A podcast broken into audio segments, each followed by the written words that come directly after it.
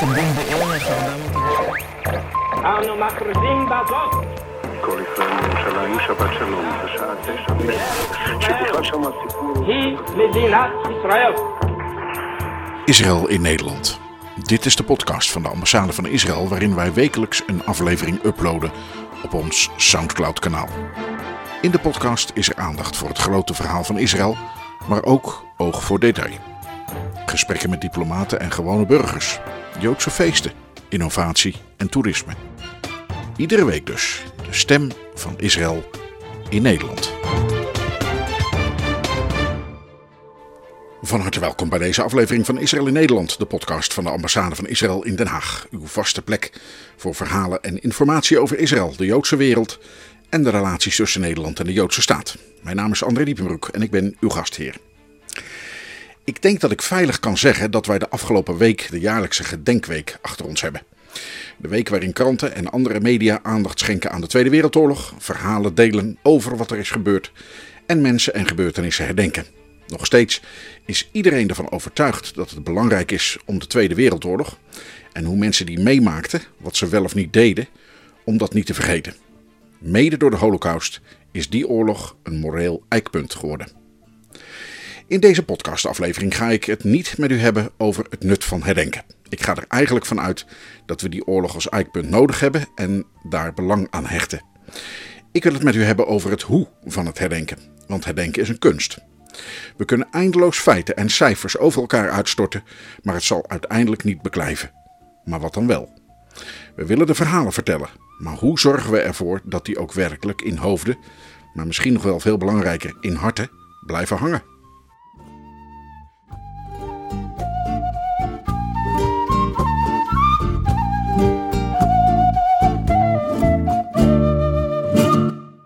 Ook de ambassade van Israël is betrokken bij het herdenken en het niet vergeten. Het doorgeven van de verhalen over de keuzes die mensen maakten tijdens de jaren van de Tweede Wereldoorlog en de Duitse bezetting. Tot corona in ons leven kwam, deden we dat vaak voorafgaand aan en tijdens Yad Vashem-ceremonies, waar mensen geëerd worden die Joden hielpen tijdens de oorlog. Een van de laatste ceremonies voor de coronatijd begon, tevens een van de grootste, vond twee jaar geleden plaats, op Goeree Overflakkee.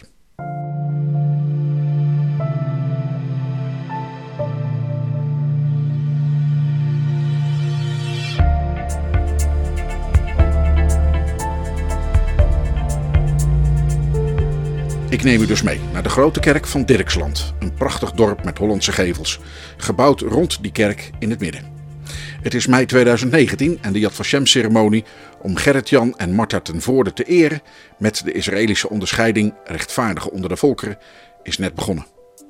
Aan het woord is loco-burgemeester en wethouder Peter Veller. Hij wijst herhaaldelijk op het belang van de aanwezigheid van leerlingen in deze bijeenkomst. Zo kunnen we de verhalen over de oorlog en de holocaust worden doorgegeven. Aan de aanwezigheid van deze gemeenschap kwam het tragisch einde in de Tweede Wereldoorlog. Het begon tijdens de bezetting allemaal bij de registratie, het in kaart brengen van Joodse burgers. Dat kon immers in Nederland vrij gemakkelijk met een goed functionerende bevolkingsadministratie. Bij de, bijna gelijktijdig voltrok zich de segregatie van de Joodse gemeenschap en de beroving van eigendommen. Om tenslotte te eindigen met de deportatie van onze medeburgers naar de vernietigingskampen. Slechts zes, van hen overleefden de oorlog. Zeven Joodse eilandbewoners werden vermoord, een diepe wond geslagen in onze gemeenschap. Zij die overleefden, keerden meest niet meer terug naar ons eiland en enkele zijn later ook alsnog vertrokken. Tegen de jongeren die hier vanmiddag aanwezig zijn, zou ik willen zeggen: Het is heel goed dat jullie hierbij zijn. En ik zou willen zeggen: luister goed naar de verhalen die we horen vanmiddag. Onthoud ze goed en vertel het door. Opdat wij de slachtoffers en de mensen die de moed hadden om in verzet te komen, nooit zullen vergeten. Wethouder en lokale burgemeester Peter Veller is het woord aan de ambassadeur van Israël, Aviv Shiron. Ook hij benadrukt het belang van het bereiken van de volgende generatie met de verhalen en de keuzes die mensen maakten in de periode 1940-1945.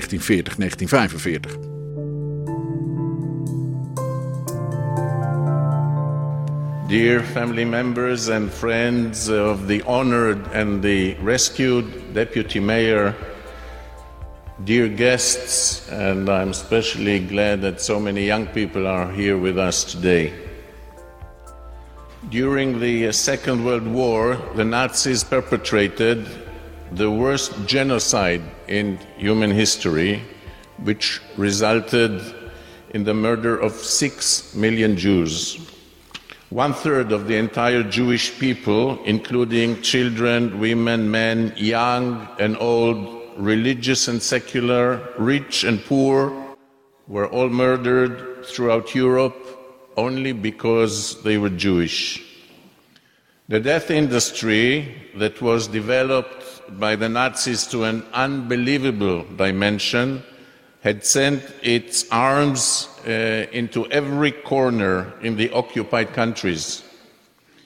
The majority of the Jewish population in the Netherlands perished in the Shoah, and many of the Jewish communities in this country ceased to exist. Unfortunately, there were many all over Europe, also here in the Netherlands, who collaborated with the murderous occupation. However, at the same time, there were many who refused to do it. They not only refused, uh, but they were actively objecting the occupation and the persecution of Jews. There were those who passed information to the Allies. There were those who joined resistance organizations and carried out even brave operations against the German army. And there were those who saved Jews while risking their lives and the lives of their families.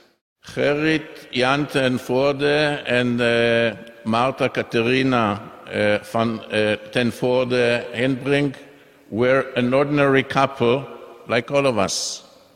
Two Dutch citizens who decided not to give in and not to abandon the guiding principles of their life and the values in which they believed. I said that they were an ordinary husband and wife, but they were not. Both were heroes, although they might not have thought themselves as such. They were the silent heroes of uh, that dark time. And I also said that they were like us, but I'm not sure that you and I would have done the same in a similar situation. Gerrit Jan and uh, Marta acted despite the danger to themselves and to their family. And they behaved differently from so many people around them. Dear family members, your parents and grandparents stood out with what they have done. And if people stand out for bravery, civil courage, and compassion, they should be remembered. And we should also educate our younger generation that is present here today in the spirit. By rescuing uh, the Myers and the Deleuve family, families, and many others as well during the moral darkness of the Holocaust, Gerrit, Jan, and Marta were able to keep the small flame of hope burning. And by doing so, they have also saved the conscience of humanity, the honor of Europe, and the dignity of the Netherlands. And for that, ladies and gentlemen, the Dutch and the Jewish people will be ever grateful to them. Indrukwekkende woorden van lokale burgemeester Peter Veller van de gemeente Goeree Overflakkee en van ambassadeur van Israël Aviv Shiron. Herdenken is misschien een opdracht, maar hoe doe je het precies? Wat is de kunst van het herdenken? Zodat nieuwe generaties het verhaal overnemen en weer verder brengen. In die kerk van Dirksland, dat hoorden we in de woorden van wethouder Veller en ambassadeur Chiron terug, waren honderden leerlingen van twee scholengemeenschappen aanwezig. Ook geschiedenisdocent Matthijs Schuit was erbij, met zijn leerlingen. Ik maakte een afspraak met hem op zijn school, de Prins Maurits in Middelharnis. Wat herinnert hij zich nog? En hoe is hij intussen doorgegaan met dat opdat wij niet vergeten?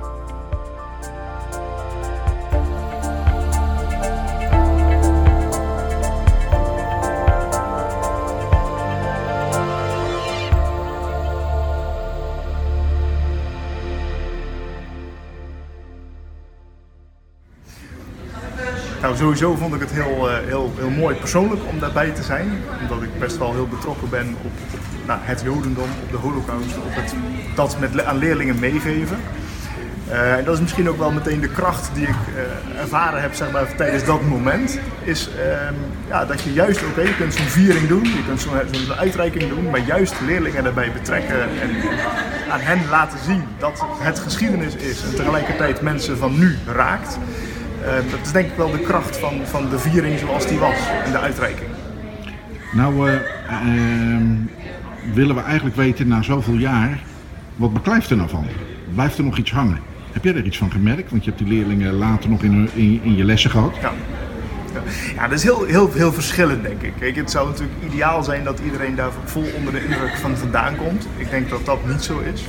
Maar dat er tegelijkertijd ook wel, uh, ja, dat je wel echt een soort van zaadjes plant en in ieder geval een bepaalde bewustwording creëert. Uh, het, het, aardige is, we gaan zo meteen ook nog wat leerlingen spreken die, uh, die daarbij geweest zijn, die zelfs een rol gespeeld hebben tijdens de uitreiking, de uitreiking zelf gedaan hebben op dat moment.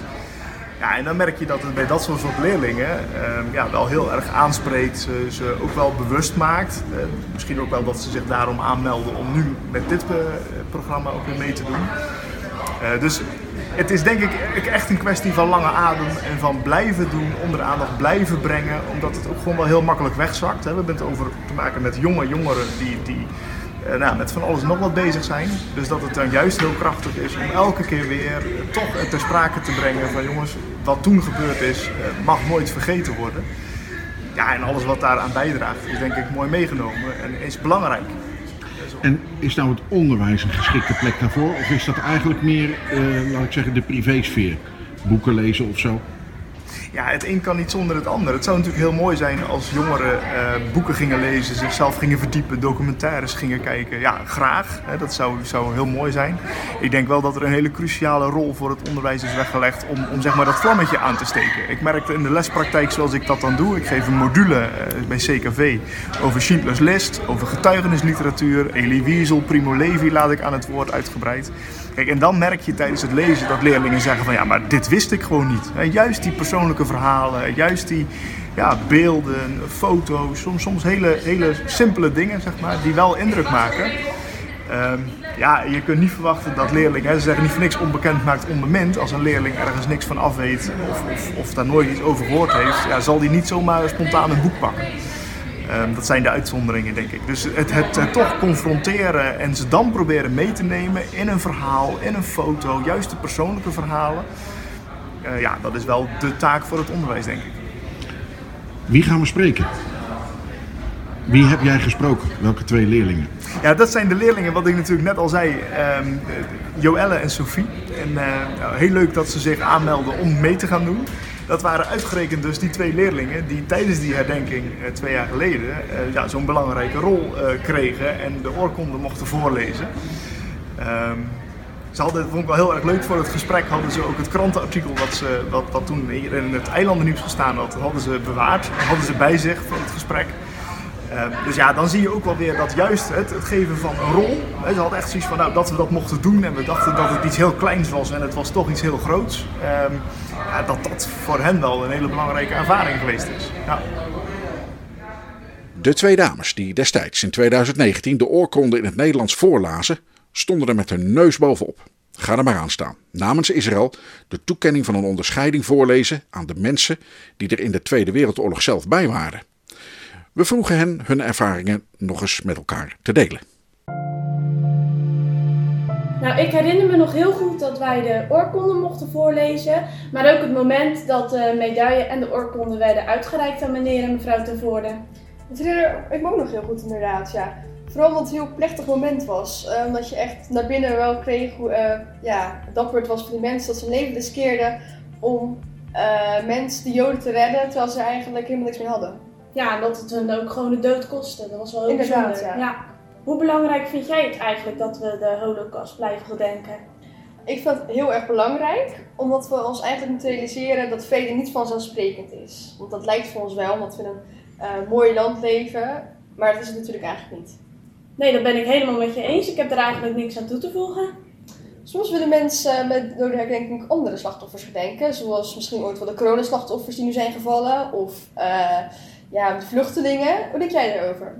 Nou, daar ben ik het eigenlijk niet mee eens. Ik denk als we te veel herdenkingen in Nederland krijgen, dat mensen het doel ervan uit het oog verliezen. En dat is natuurlijk niet de bedoeling. Ja, daar ben ik het wel mee eens. Het moet wel een uh, specifiek speciaal ding blijven. Hoe belangrijk vind jij het eigenlijk dat scholen les blijven geven over de holocaust? Nou, ik vind het echt enorm belangrijk, want de holocaust echt heel veel slachtoffers veroorzaakt heeft. En op scholen, jongeren zijn de toekomst. En uh, op scholen krijgen jongeren natuurlijk heel, les over heel veel dingen. En jongeren moeten later ook weer doorgeven aan hun kinderen. Dus op school is het heel belangrijk dat het kind het al vroeg leert. Ja, dat is zeker zo. En ook, uh, ik denk ook wel, ja, het is ook belangrijk dat wat er toen gebeurd is, dat we dat ook nooit meer vergeten. Ja, inderdaad. Joelle en Sophie bewaarden de herinneringen en de krant die er destijds verslag van deed. Samen met geschiedenisdocent Matthijs Schuit besloot ik een soort van experiment op te zetten.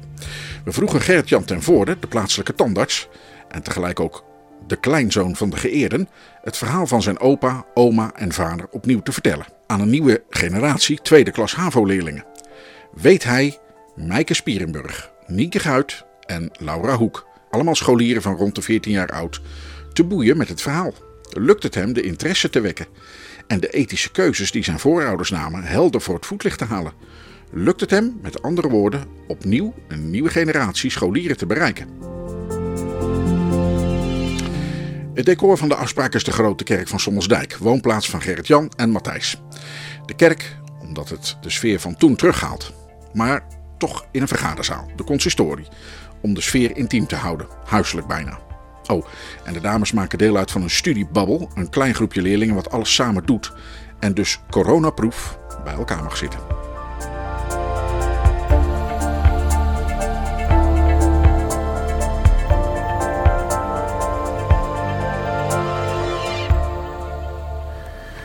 Uh, nou, leuk om hier te zijn. Uh, nou, ik ben Gert-Jan Tevoorde, ik ben uh, tandarts in uh, Dirksland. ja, ik woon hier ongeveer 32 jaar nu. ongeveer een jaar of drie geleden kwam er een, er een patiënt bij mij in de praktijk, een geschiedenisleraar uit, uit Dordrecht. Die Antoni Golverdingen heet hij. En um, hij, um, ja, hij vertelde mij dat hij, hij was aan, het afstuderen uh, en zijn, zijn, zijn specialisatie was eigenlijk herdenkingen, dode herdenkingen, herdenkingen vanuit de Tweede Wereldoorlog. Um, daar had hij zich helemaal in verdiept, hoe, hoe mensen eigenlijk de, de, de, trauma van die tijd uh, in, in, groepsvorm verwerkten. En, dus ik vertelde hem toen eigenlijk ja, bij toeval, omdat we het er toch over hadden, dat ik een, een opa en oma had gehad, die in de oorlog ook Joodse mensen hadden geholpen. En dat mijn opa daarbij omgekomen was. Hij was in Bergen-Belsen die omgekomen. Nou, dat vond hij zo interessant dat hij eigenlijk, ja, wij wilden er van alles over weten. En hij vroeg of ik wel eens overwogen had om een Yad Vashem onderscheiding aan te vragen in Israël. En er zijn best wel een aantal regels, belangrijke regels, wil je zo'n onderscheiding aanvragen. Namelijk dat je, ja, je moet ook nog getuigen zien te vinden van mensen die echt in die oorlog die hulp hebben gehad. En die moeten ook onafhankelijk van elkaar zijn. Want anders heb je natuurlijk aan één bevriende onderduiker ja, genoeg om, om jou daarmee te helpen. Maar ze het van twee kanten horen in Israël en dan kun je die hoge onderscheiding krijgen.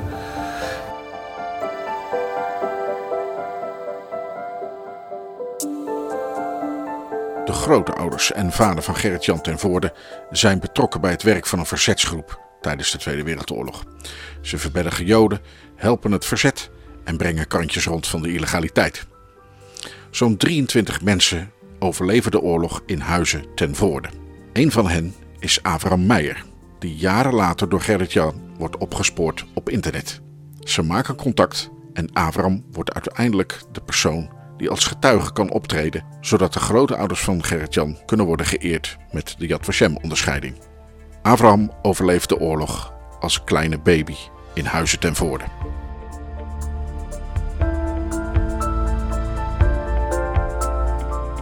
Abraham die vertelde eigenlijk dat, uh, ja, dat verhaal dat zijn ouders hem verstopt hadden.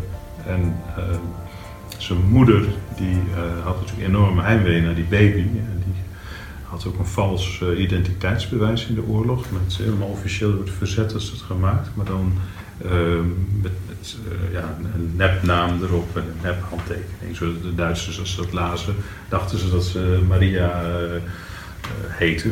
Maar in feite had ze, had ze een Joodse naam. Ehm, daarmee kon ze dan langs controles. En dan ging ze op de fiets naar Nijverdal, naar, eh, naar die baby, naar die dominee. Avram vertelde eigenlijk in de oorlog, uh, kon als een hele rare vrouw. En, die kwam af en toe, eens in de zoveel maanden. En die, dan moest ik bij op schoot zitten. Wilden ze me knuffelen en kusjes geven. En ik vond het vreselijke vrouw, zei hij. Maar toen was het natuurlijk eigenlijk zijn eigen moeder. Eigenlijk ook super triest dat, dat, je, dat, je, ja, dat je in zo'n omstandigheid zit. Um, nou ja, wat is er gebeurd? De, uiteindelijk was in die oorlog natuurlijk veel, uh, was wel verzet. Dat was allemaal super geheim. Maar um, er was ook veel verraad. Dus als, soms werd ook een verzetspersoon opgepakt en die werd gemarteld in Den Haag. Um, nou ja, dit was bij de Sicherheidsdienst, SS eigenlijk, in Oranje Hotel Scheveningen. Dat is een heel berucht adres voor ondervragingen. Ja, en uiteindelijk is het dan gebeurd dat een collega, verzetsman van mijn opa, die is, ja, die zodanig mis, ja, mishandeld, zeg maar. Die is, heeft alles opgebiecht, alles verteld. En um, toen ook de naam van mijn opa genoemd. Dus mijn vader kan zich nog goed herinneren. De Nederlandse politie kwam langs. een meneer Bronsema is dat. Die was hoofdagent. En, ja, hij vroeg waar, waar, mijn opa was. Die, was. die kwam net van zijn werk eigenlijk. En mijn vader die dacht, nou dat is foute boel. Ik, vraag of ik hem mag halen en dan waarschuw ik hem dat hij moet maken dat hij wegkomt. Dus die uh, vader zei, ik haal hem wel eventjes op. Hij zei, dat is goed, maar ik heb je, je moeder en je zus hier. Uh, en, ja, ik, die hou ik totdat jij je vader brengt. Hij had ook een, een pistool, hij hield ook mijn oma en mijn tante onder schot mijn vader wist eigenlijk wel van ja, er is eigenlijk geen kans. Dus hij kwam hem, hij kwam hem ook tegen en hij zei ja, de politie is er, die willen jou hebben. En hij zei nou, dan ga ik gewoon mee, dan, anders loopt het toch niet goed af.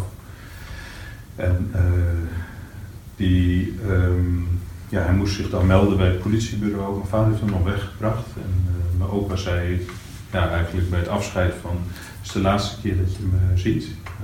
je zult me nooit meer terugzien heeft ook zijn trouwring aangegeven en gezegd van goed voor je moeder en je zus zorgen. En ja, dus, dit is het laatste moment dat we elkaar gezien hebben. En dat is ook zo uitgekomen, want hij is daarna verdwenen. Hij is ook naar het Oranje Hotel gegaan. er is nog 23 Joodse mensen te zitten in, in bij allerlei onderduikadressen. En ja, wat de familie nog altijd erg trots over is, is dat al die mensen de oorlog overleefd hebben. Dus hij is natuurlijk ook ja, onder de, uh, door de SS ondervraagd, maar heeft daar niets over heeft niks gezegd. Maar daarna moest hij wel naar de consultatiekamp.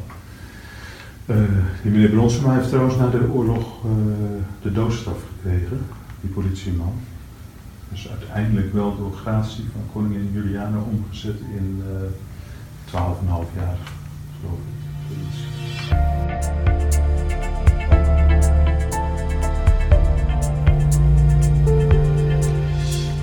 Nou heeft Israël één onderscheiding, die wordt aan niet-Israëli's verstrekt. Aan mensen die Joden hebben geholpen tijdens de oorlog. Laat zien hoe belangrijk Israël dat vindt.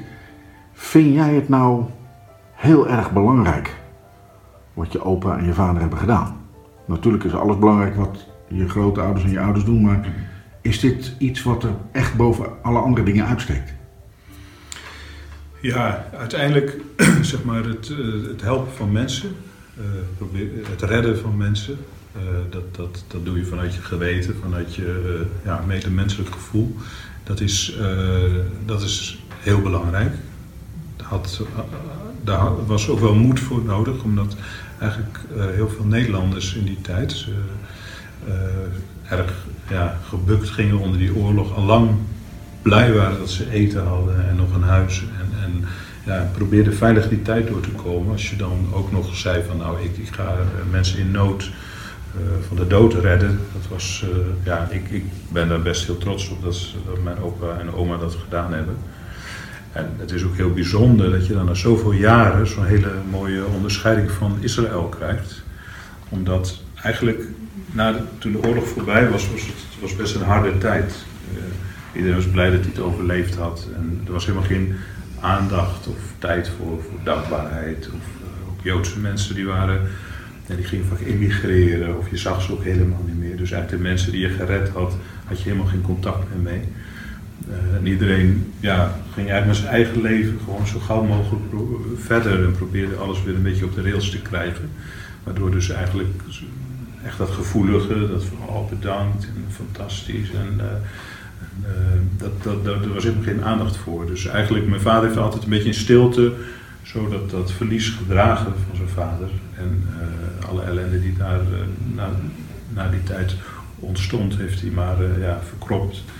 En ook vaak als kind, of als jongvolwassene, gedacht van ja, waar, waar, is eigenlijk, wat is er eigenlijk voor aandacht eigenlijk aan besteed. En toen uh, de Israëlische ambassade in, uh, in 2019 eigenlijk met die hele hoge onderscheiding kwam en ook een hele mooie toespraak van de ambassadeur, toen was hij eigenlijk, ja, hij was toen 90. Toen werd hij eindelijk, na, na al die jaren, werd hij eigenlijk werd het erkend. En werd, werd dus met respect naar hem gekeken en zijn ouders dat was voor hem een enorme, had een soort geneeskrachtige werking op zijn ziel eigenlijk. Dus dat, was echt fantastisch voor hem. En uh, ja, ook fantastisch van, uh, van de Israëlische ambassade en Israël natuurlijk. Dames, denken jullie dat het belangrijk is om hierover na te blijven denken? Als je dit zo hoort, wat het doet met zo'n man die, nou, misschien wel 30 jaar of zo, dat heeft meegedragen in stilte. Dat het eigenlijk een soort van helend is. Dat is voor zo iemand natuurlijk belangrijk. Maar ja, nou jullie. Ja, ik denk dat het sowieso wel belangrijk is dat het niet wordt vergeten. Want alles wat in de oorlog is gebeurd is wel belangrijk en dat mag je gewoon niet vergeten. Want het is toch, het is echt een hele heftige gebeurtenis. En het kan je niet zo doen van ja, het is gebeurd, er is niks aan, zeg maar. Ja, we kunnen daar niet zomaar overheen gaan leven en denken dat het niet meer is gebeurd. Waarom niet? Want het is op een gegeven moment toch te lang geleden, of niet? Ja, het heeft wel impact gegeven aan heel veel mensen. En um, ja, het is dan inderdaad wel lang geleden op een gegeven moment. Maar we moeten er wel aan blijven denken. Omdat um, heel veel mensen hier toch hebben gewoon ja, nare gedachten en zo van hebben gekregen. Wat denk jij, Nienke? Ik vind het ook heel belangrijk dat ze het vooral blijven doen. En, um, ook al, ja, de generaties worden steeds jonger en het, het duurt steeds langer. Mensen overlijden ook uh, die de oorlog hebben meegemaakt. Maar dat het toch belangrijk is dat, uh, dat het toch wordt verteld. En dat ook onze generatie uh, weet wat er is gebeurd. En weten wat er is gebeurd, dat is misschien minder nog. De cijfers die kun je natuurlijk wel ergens vinden. Maar nu heb je een verhaal gehoord. Onthoud je dat beter? Ja. Ja. Ja, dat onthoud je wel beter, want als cijfers denk je van, ja, wat moet ik hier nou mee? Want er zit wel een verhaal achter van hoe het is gebeurd. En als je dat dan hoort, dan weet je wel beter van, oh, zo is het gegaan. Maar als cijfers, ja, kan je echt een verhaal uithalen. Maar het is wel een hele andere wereld, hè? Meneer Tevoorde vertelt net dat hij, ja, dat dan, dan zit er een Nederlandse politieman tegenover je met een pistool en die houdt je gewoon onder schot. En die zegt, nou, we wachten rustig even totdat uh, de zoon, dus meneer Tevoorde zijn vader, thuis komt. En hij weet die komt, want ik heb hier zijn moeder onder schot. Dat kun je toch niet voorstellen? Of wel? Nee. Kan het weer gebeuren, denken jullie? Ja, ja in principe wel. Dat zeg je heel, ja. heel stellig. Ja, dat kan zeker, want de wereld Waarom? is steeds best wel breed. En er gebeurt ook nog heel veel lijden en vervolging en discriminatie. Dus het zou altijd nog kunnen gebeuren. En is het dan belangrijk om dit soort verhalen van meneer Tevoorde, zijn vader, zijn opa, uh, dan in je achterhoofd te hebben? Helpt dat Ja. bij hoe je zelf kiest of zo? Ja. Ja, want het is toch heel heftig geweest. En um, aan verhalen dan onthoud ik het snel, zelf ook sneller. En um, Want met cijfers of zo, daar, dat vergeet je heel snel. Maar verhalen, dat blijft toch beter hangen. Het is natuurlijk niet voor te stellen, hè? wat ik net vertelde, of wat ik nog even. Die Nederlandse politieman. Die kunnen we misschien allemaal aan elkaar wel stellen, die vraag. Wat zou, wat zou, hoe zouden wij kiezen?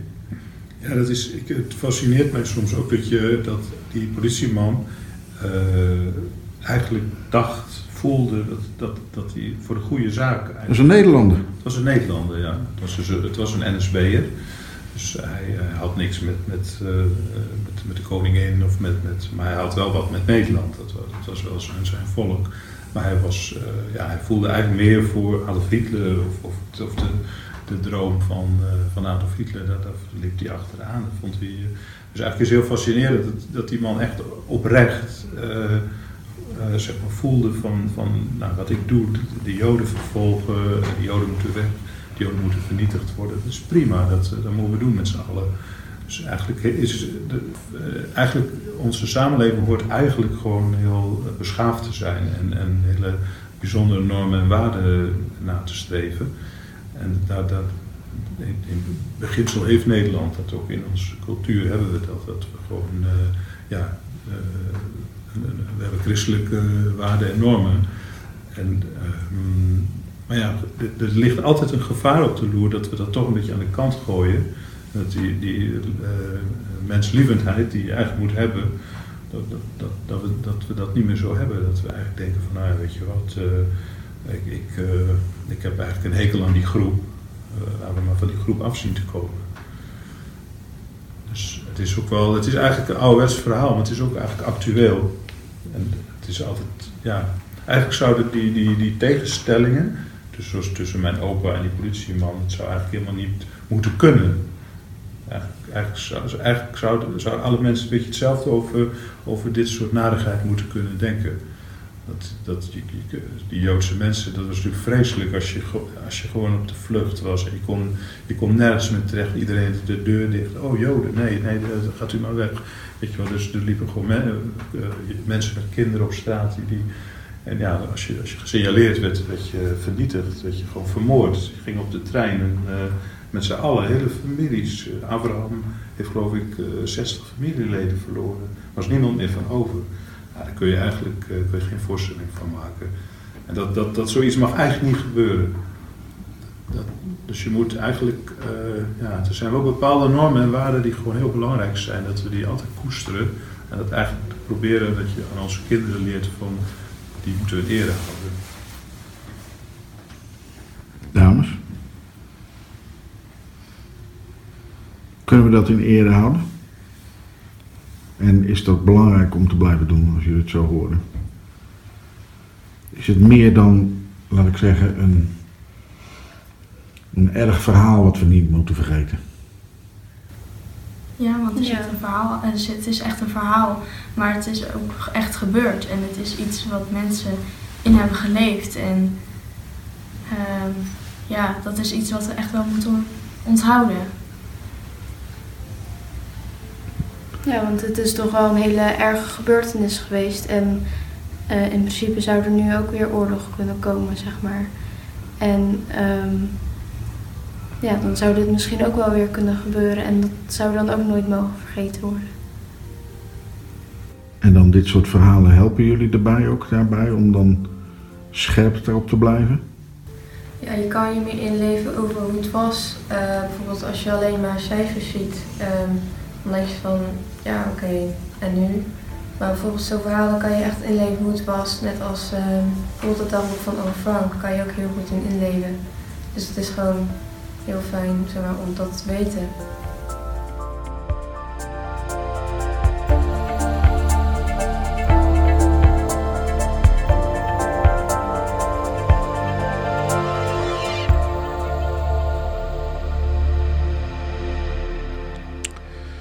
Kunst van het herdenken. We deden een beetje aan zelfonderzoek. Is het ons gelukt het verhaal van oorlog, verzet en onderduik door te geven aan een nieuwe generatie? Joelle van den Berg en Sophie Krijger zijn de Yad Vashem-ceremonie niet vergeten en ze bewaarden zelfs de plaatselijke krant uit die tijd. En de kleinzoon van de geëerde van destijds, standaard Gerrit-Jan ten Voorde, slaagde erin een nieuwe generatie 14-jarigen te boeien met de belevenissen en keuzes van zijn voorouders. En ondertussen houdt ook geschiedenisdocent Matthijs Schuit het vlammetje van de herinnering en de belangstelling levend bij een nieuwe lichting leerlingen. De kunst van het herdenken blijkt, de kunst van het herdenken blijkt vooral het verhaal met passie gebracht te zijn. Een verhaal wat handen en voeten krijgt door niet alleen droog vertellen, maar ook het bezoek aan monumenten, het bijwonen van herdenkingen en ceremonies. En, niet minder belangrijk, de duiding doorgeven van de normen en waarden die mensen er destijds toe aanzetten de juiste keuzes te maken.